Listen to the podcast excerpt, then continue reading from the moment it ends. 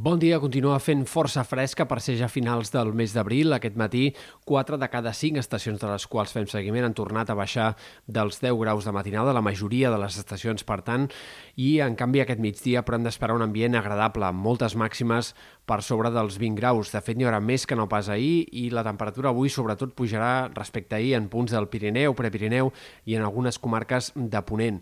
Esperem un dia amb predomini del sol, tot i que apareixeran també alguns intervals de núvols. Es va costant una pertorbació que entrarà pel nord de la península i sortirà pel sud, de manera que no ens afectarà directament, però sí que aportarà alguns núvols prims i certa inestabilitat de cara a les pròximes jornades. Demà i dijous seran dies amb més nuvolositat, amb un cel més enterbolit, núvols més espessos com més a l'oest i més al sud, i en canvi més esqueixats com més al nord-est. La pertorbació que arriba afectarà sobretot sectors del País Valencià, que és on entre demà i dijous cal esperar pluges en moltes comarques, amb quantitats eh, que no han de ser molt abundants en general, però que sí que podrien situar-se entre els 10 i els 20 litres per metre quadrat a la majoria d'indrets. Fins i tot al sud del País Valencià aquestes pluges podrien ser més significatives. També hi haurà alguns ruixats a les Pitiuses, en canvi, com més al nord de les Balears, menys possibilitats de pluja amb el pas d'aquesta pertorbació. A Catalunya cal esperar algunes gotes, alguns ruixats puntuals en punts del Pirineu Occidental, potser alguna gota també a les Terres de l'Ebre entre demà i dijous, però serien en tot cas precipitacions molt minces.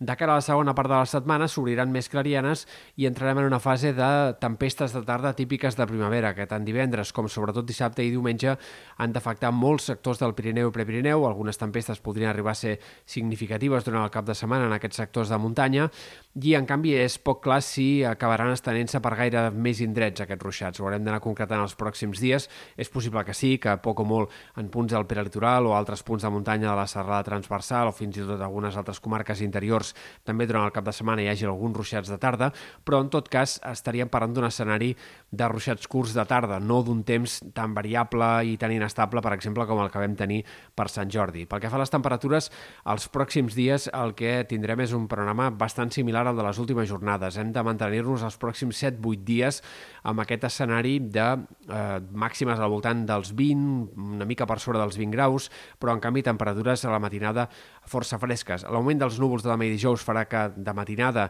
no faci tanta fresca les dues pròximes nits, però en canvi el cap de setmana les temperatures tornarien a baixar. I, de fet, els mapes eh, del temps més aviat a llarg termini semblen indicar-nos que al principi del mes de maig serà fresc, amb temperatures eh, doncs, normals o una mica fresques pel que caldria esperar per l'època. Per tant, de moment sembla que no tindrem situacions de calor avançada al llarg dels pròxims 8-10 dies.